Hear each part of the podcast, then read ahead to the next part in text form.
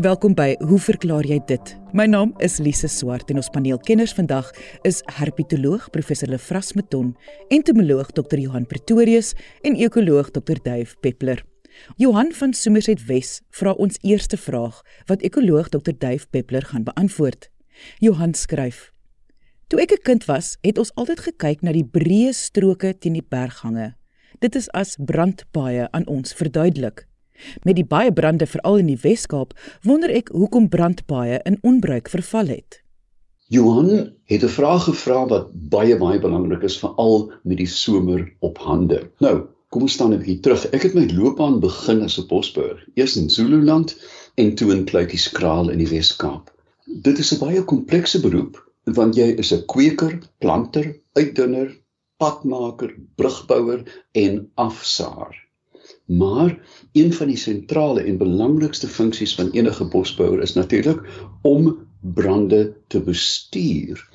Dink daaraan, jy plant 'n plantasie in die berge, jy vir 35 jaar kyk jy na hierdie boom en dan brand hy af. Met ander woorde, dit is 'n ontsaglike belegging wat beskerm moet word. Nou kyk ons na brandbane binne die bestuur van algemene brande. Nou daar's heelwat eh, soorte brandbane een om 'n spesifieke gewas te beskerm uh, of sitrusboorde in die Cederberge of natuurlik plantasies die wat oorbly in die Wes-Kaap.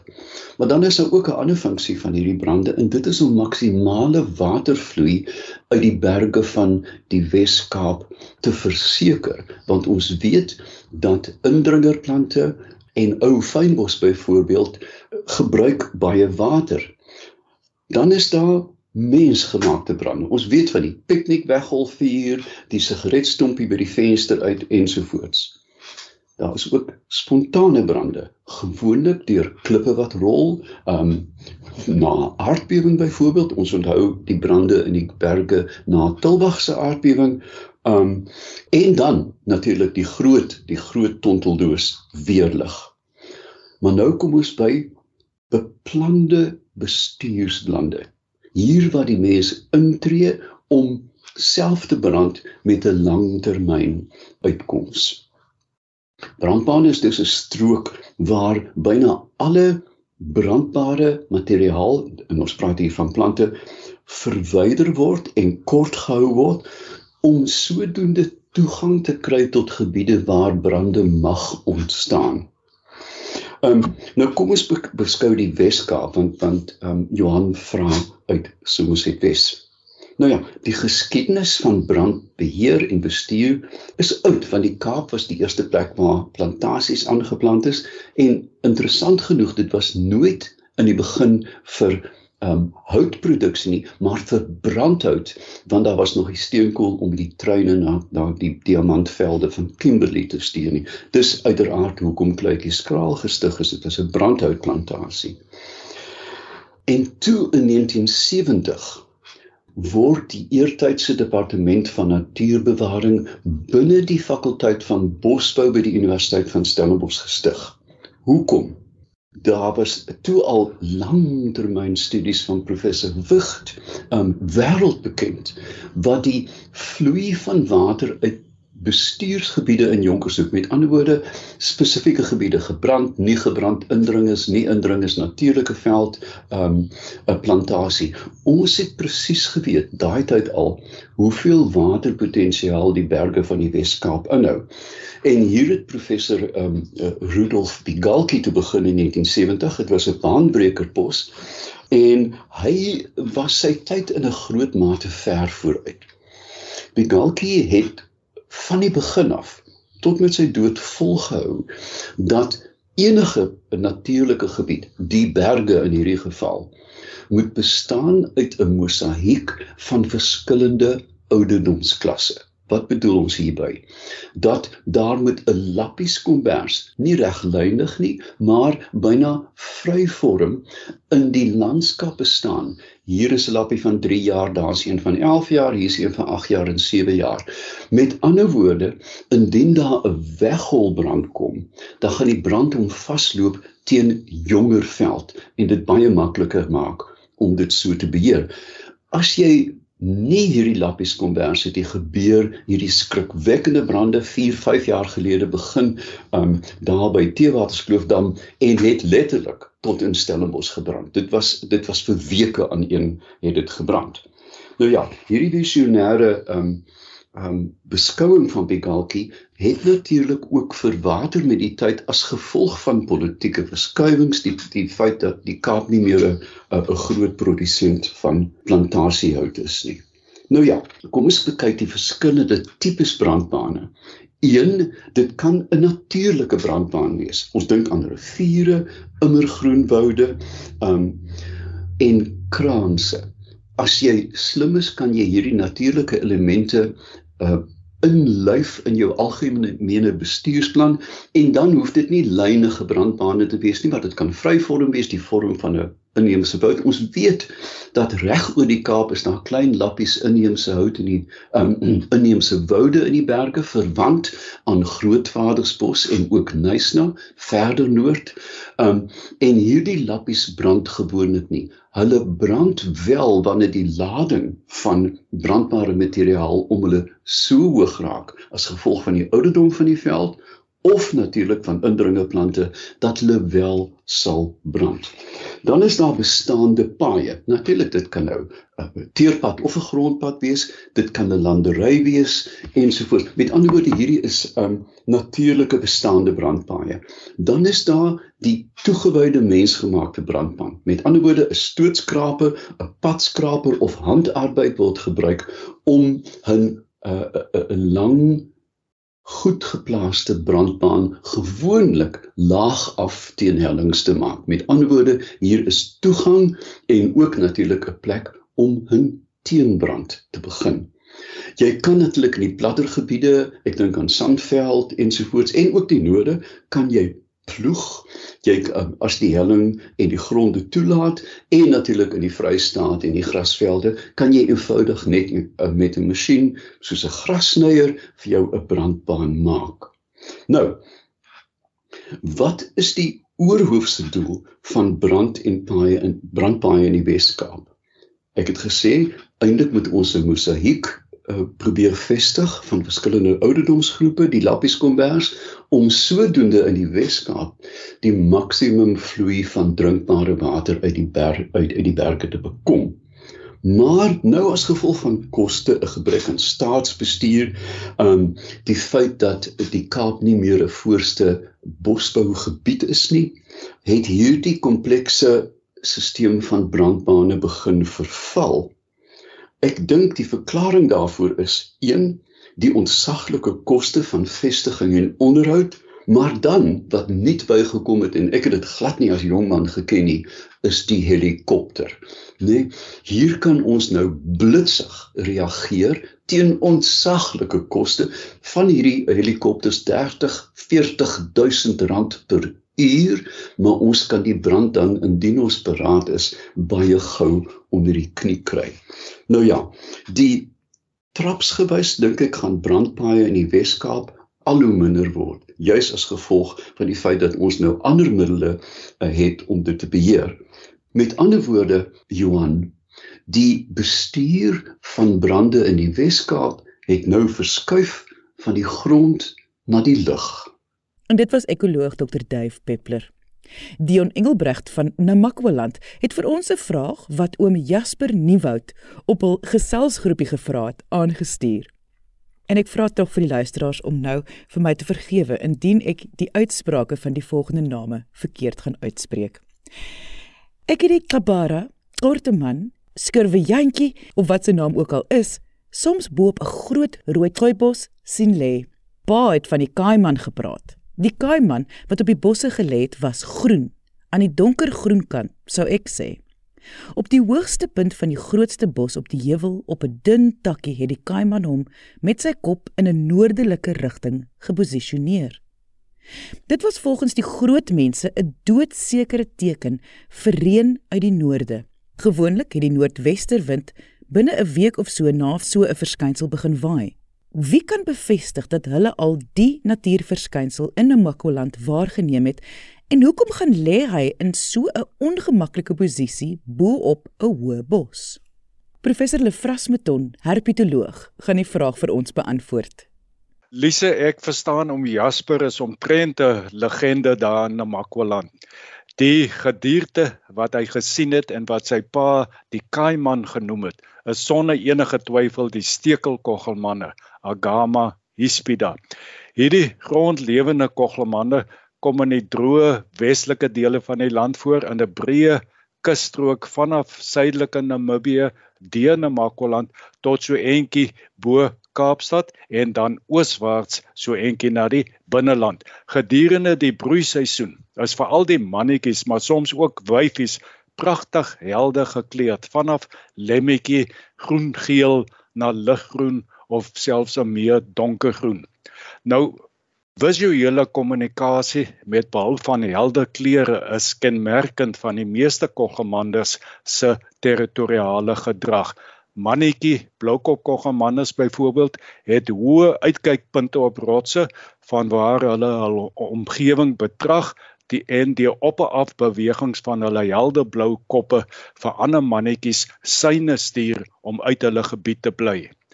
Omdat hulle grondlewend is, is die stekelkoggemande uh veral in plat wêreld egter aangewese op bosse as uitkykpunte en ook vir vertoon. En dit is natuurlik ook lekker om bo op 'n bos so 'n bietjie in die son uh, te sit en bak. So het ek ook al wyfie stekelkoggemannes vol eiers bo op bosse teëgekom. So die bossittery is nie net 'n mannetjie ding nie kyk hulle altyd noord as hulle bo op 'n bos sit en sit hulle altyd sit hulle net op 'n bos as daar reën op pad is. Ai, waarom sal hulle dit nou wil doen?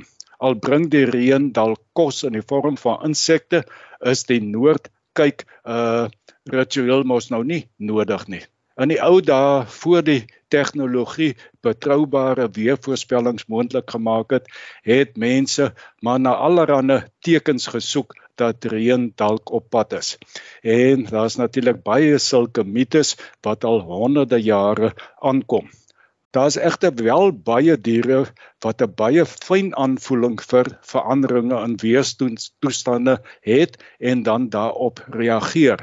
Vir trekvoëls byvoorbeeld is dit baie belangrik om nie uh, op hul migrasietog te vertrek as daar stormweer op pad is nie met behulp van infraklankwaarneming raak hulle en natuurlik ook baie ander voëls bewus van 'n naderende donderstorm al is die storm nog baie ver weg en hulle kan dan al vertrek vertraag of in die geval van ander voëls kan hulle uh, die dan nou vlieg om betyds uh, by geskikte skuilplekke uit te kom. Voëls en bye is ook sensitief vir veranderinge in barometriese druk. Vir die meeste paddas beteken naderende reën 'n voortplantingsgeleentheid. Ook hulle kan verandering in barometriese druk waarneem en hulle begin dan solank met hulle voorbereiding vir die groot gebeurtenis. Mannetjies begin baie lewaaierig raak terwyl wyfies uh hul eiers regkry om gelê te word uh, as die eerste poele uh vorm. In ariede streke waar poele tydelik is, is dit natuurlik baie belangrik dat geen tyd verspil word nie. Daar's nog baie ander soortgelyke voorbeelde, maar ek is bevrees 'n stekelkoggemanne wat op 'n bos sit en nood kyk, het niks met naderende reën te maak nie. Tog is dit een van daardie pragtige stories wat 'n mens nie graag sal wil hê verlore moet gaan nie. So ek hoop daar sal altyd 'n paar mense wees wat hierin sal bly glo. En dit was herpetoloog professor Lefras Meton.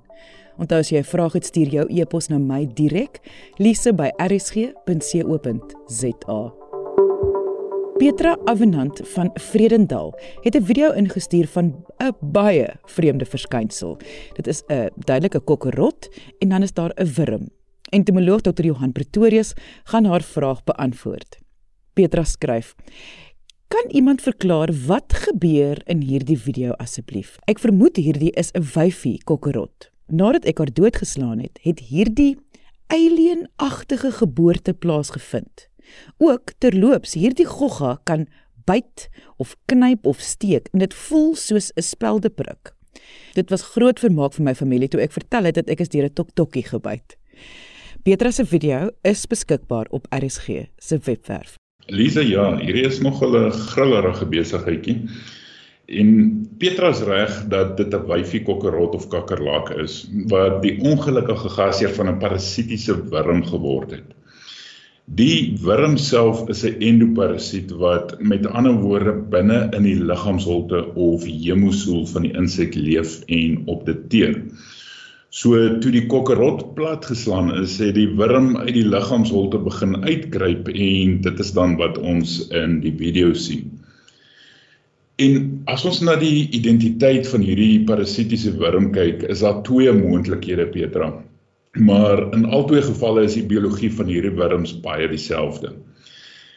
Eerstens is dit moontlik 'n soort nematoot, ook bekend as ronde wurms, draadwurms, ehm um, of alwurms, spesifiek nematodes van die orde Myrmethida, 'n groep waar meeste spesies endoparasiete van geleedpotiges en veral insekte is. Die vroeë larfstadium is nie parasities nie, maar hulle verander later dan na 'n parasitiese leefwyse in hul gasheure voordat die latere larfstadia die gasheer se liggaam verlaat en in vrylewende volwassenes transformeer om eiers te lê in grond of water. Die gasheer raak geïnfesteer deur die eiers tydens voeding in te neem of die vroeë instar nematode soek aktief na geskikte gasheer en penetreer dan direk deur die eksoskelet tot in die gasheer se liggaamsholte. As die tyd dan reg is, breek die nematoot eenvoudig deur die gasheer se eksoskelet wat gereeld vrugbaarheid kan verlaag en ook meestal tot die se dood lei. 'n Tweede moontlikheid is dat hierdie een van die nematomorfe of perdehaarwurms is. Op die oog af lyk hierdie wurms baie soos ronde wurms en word ook baie keer met mekaar verwar. By nematomorfe is al die larvale stadia parasiete van geleedpotiges, veral goed soos krieke, kokkerrotte en kewers, terwyl die volwassenes dan vrylewend in meestal akwatiese habitatte is in water met ander woorde. Maar hoe dit ook al sê Lise, die interessante ding van hierdie wurms is dat hulle die geleedpotige gasheers se fisiologie en gedrag verander of manipuleer om hul eie kans op oorlewing en reproduksie te verbeter. So kan sekere van hierdie wurms byvoorbeeld die soutkonsentrasie in die gasheer se liggaam verander wat dan sal veroorsaak dat die gasheer water uitsoek en hom of haarself daarin versuip of die wurm kan ook met die funksies van die brein inmeng om dieselfde gedrag te laat plaasvind. Met ander woorde, die gasheer tree op in 'n manier wat dit nie normaalweg sou nie. Die wurm verlaat dan die gasheer en is dan sommer klaar in 'n akwatiese omgewing waar hy dan as vrylewende volwassene spaar en eiers lê vir die proses om homself weer te herhaal. Nou dit klink en lyk alles baie breed vir ons, Veral as jy vat dat die grootste deel van die gasheer se liggaamsholte deur hierdie parasiete gevul kan wees. Perdehaarwurms byvoorbeeld wissel meestal lengte van 50 tot so 100 mm en daar is selfs sommige spesies wat tot 2 meter lank kan word. Maar mens moet in gedagte hou dat hierdie parasiete bydra om insekte en ander geleedpotige se getalle te reguleer en in toom te hou. Inteendeel, sekere van hierdie parasitiese wurms is bekend daarvoor dat hulle die larwes van muskiete infesteer en al dit is waarde as biologiese beheeragente. Petra maak dan ook die opmerking dat die insek in die video kan byt of steek. Ek weet nie wat die konteks van jou ervaring is, Petra, maar die steek of prikkel sensasie is heel moontlik die gevolg van die stekels op die bene van kokkerotte. Hierdie insekte het natuurlik nie 'n spesiaal aangepaste eierboor of ovipositor wat vir beskerming gebruik kan word soos byvoorbeeld by baie ehm um, wespes en mure nie. So dis heel waarskynlik die stekels op die bene wat jy daar voel as die insek hanteer word en probeer loswrimmel. Laastens net so klein regstellingkie, kokkerotte is nie kewers soos toktokkies nie. Alhoewel beide insekte is, is daar groot verskil verskille tussen die twee en die naaste verwante van kokkerotte is termiete. Hedendaags word termiete en kokkerotte gereeld in dieselfde groep of orde geplaas en daar word selfs van termiete gepraat as sosiale kokkerotte. So Petra, dankie vir die deel van jou interessante waarneming. En dit was entomoloog Dr. Johan Pretorius.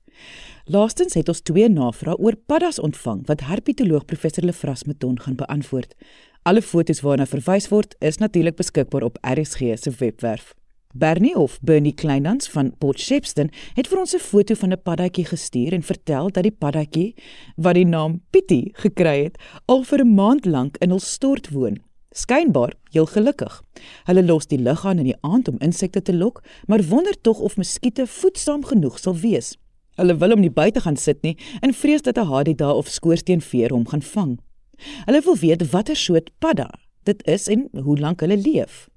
En dan Lorraine die jager van George het vir ons foto's van twee paddatjies gestuur wat saam in 'n blom sit. Heerlik in die warm son terwyl die blom heen en weer in die wind wieg.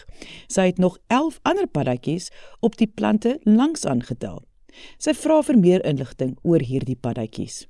Soos die geluk dit wil hê, is die sonbaaiers en die stortpadda een en dieselfde spesies. So dit is nou somme twee vliee uh, ek bedoel paddas met een klap.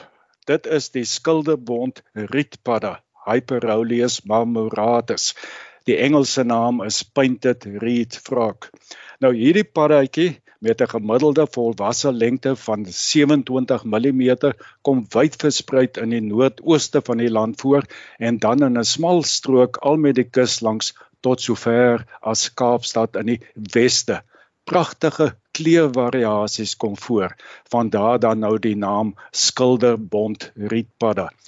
Die paddatjies wat wat Lorraine afgeneem het is nog onvol, onvolwasse, daarom die bruin kleur. Daar seker maar 'n waterbron naby waar paddavissies redelik onlangs metamorfose tot paddatjies ondergaan het, daarom dat sy soveel jongetjies gesien het.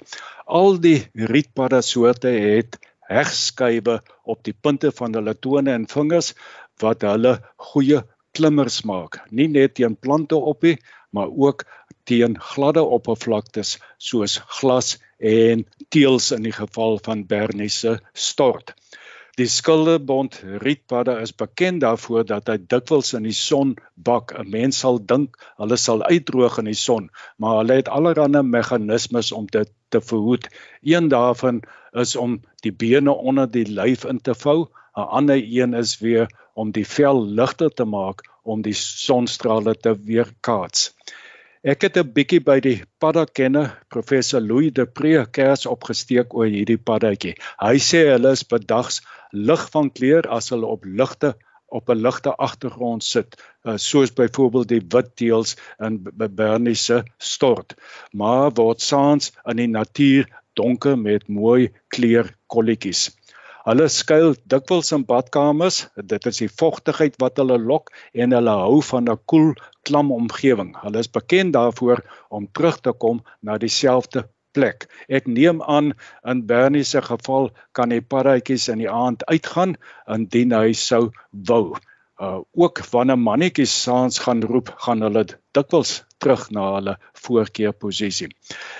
Bernie dalk is dit Bernie, uh, ek is nie seker hoe mens sy naam uitspreek nie, het die indruk gekry dat die paddatjie luister as sy met hom praat omdat hy sy kop skeef draai en ook geluide maak. Nou volgens Louis dui die kop wat gedraai word aan dat die padda wakker is en reg is om te spring. Dit kan ook wees dat 'n bepaalde frekwensie geluid soos piet hom sal uitlok om te roep. So klink hierdie paddatjie se roep.